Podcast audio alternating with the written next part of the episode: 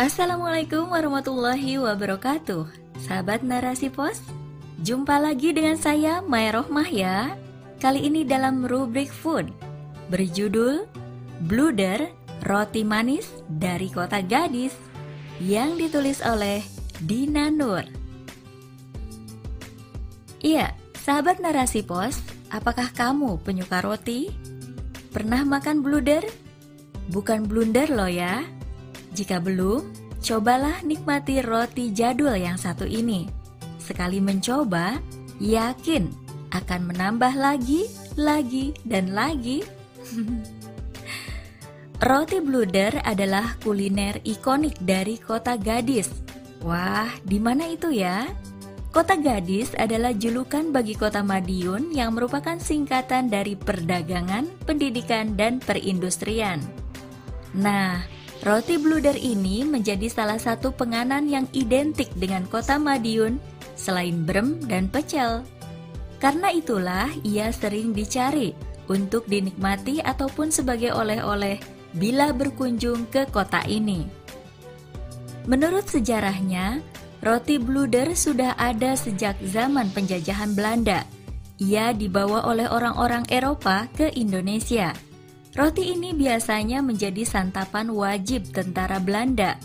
Bisa dikatakan bahwa roti bluder merupakan peninggalan masa Belanda yang kemudian berkembang menyesuaikan lidah rakyat Indonesia. Roti bluder bentuknya seperti piramida bulat atau mangkuk. Warnanya coklat keemasan dengan rasa yang manis legit. Ciri khas roti bluder adalah pada teksturnya yang empuk dan lembut. Ketika disobek, akan terlihat serat-seratnya yang halus.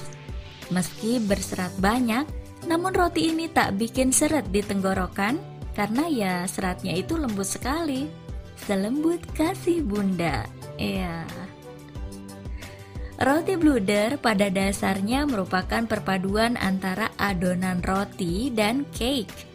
Itulah yang membuat roti bluder bertekstur lebih lembut dibanding roti lainnya. Adonan roti ini utamanya terdiri dari telur, susu, tepung, mentega, dan gula. Meskipun tidak memakai ragi, namun adonannya tetap bisa mengembang loh. Roti ini juga tak menggunakan bahan pengawet, sehingga aman dikonsumsi anak-anak. Sahabat narasi pos, Roti bluder itu istimewa. Menikmati bluder seperti kembali ke kampung halaman.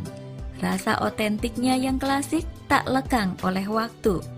Manisnya mengingatkan pada kenangan masa lalu yang terpahat dalam memori.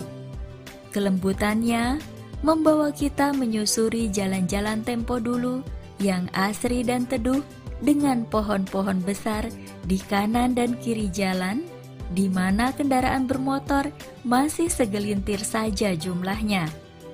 Kesederhanaannya menyadarkan kita bahwa ketulusan akan selalu mampu menghangatkan jiwa dan raga. Wah, omongin roti saja bisa jadi sok puitis nih. Bagi yang pernah mencicipi beluder, pasti setuju jika roti ini sungguh spesial. Meski jadul, Bluder tetap tak kehilangan pesonanya di tengah gempuran roti modern yang kekinian. Bahannya memang sederhana, tapi cita rasanya luar biasa. Terkadang yang tampak biasa saja justru malah istimewa dan melekat di hati. Kini, roti bluder mengikuti perkembangan zaman ia pun juga ikut menyesuaikan dengan selera masyarakat sekarang tanpa meninggalkan resep aslinya.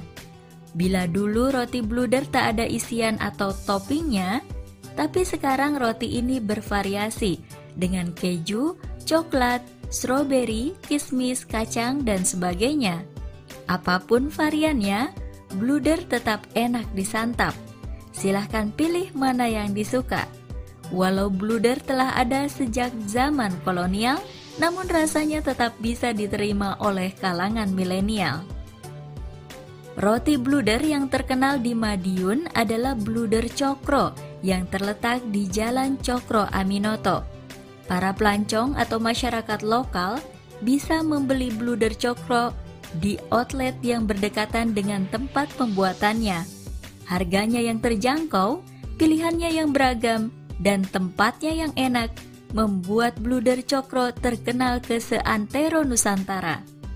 Kalau Anda tengah berkunjung ke Madiun atau mungkin hanya sempat melewatinya saja, cobalah mampir sebentar untuk membeli roti yang legendaris ini.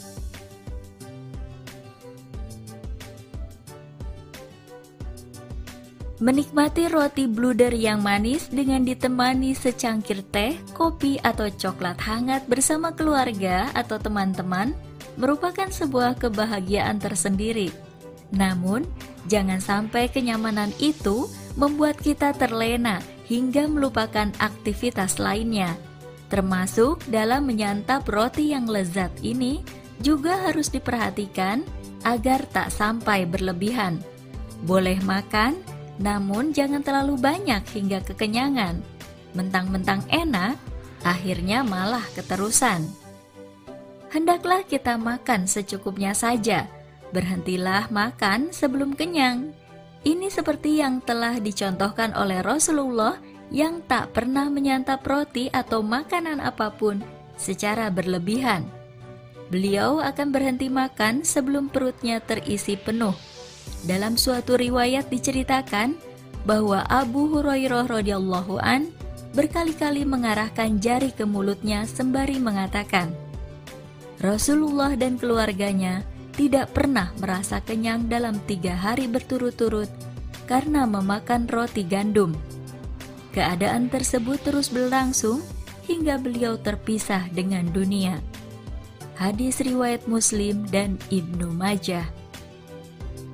Roti menjadi salah satu makanan favorit Rasulullah.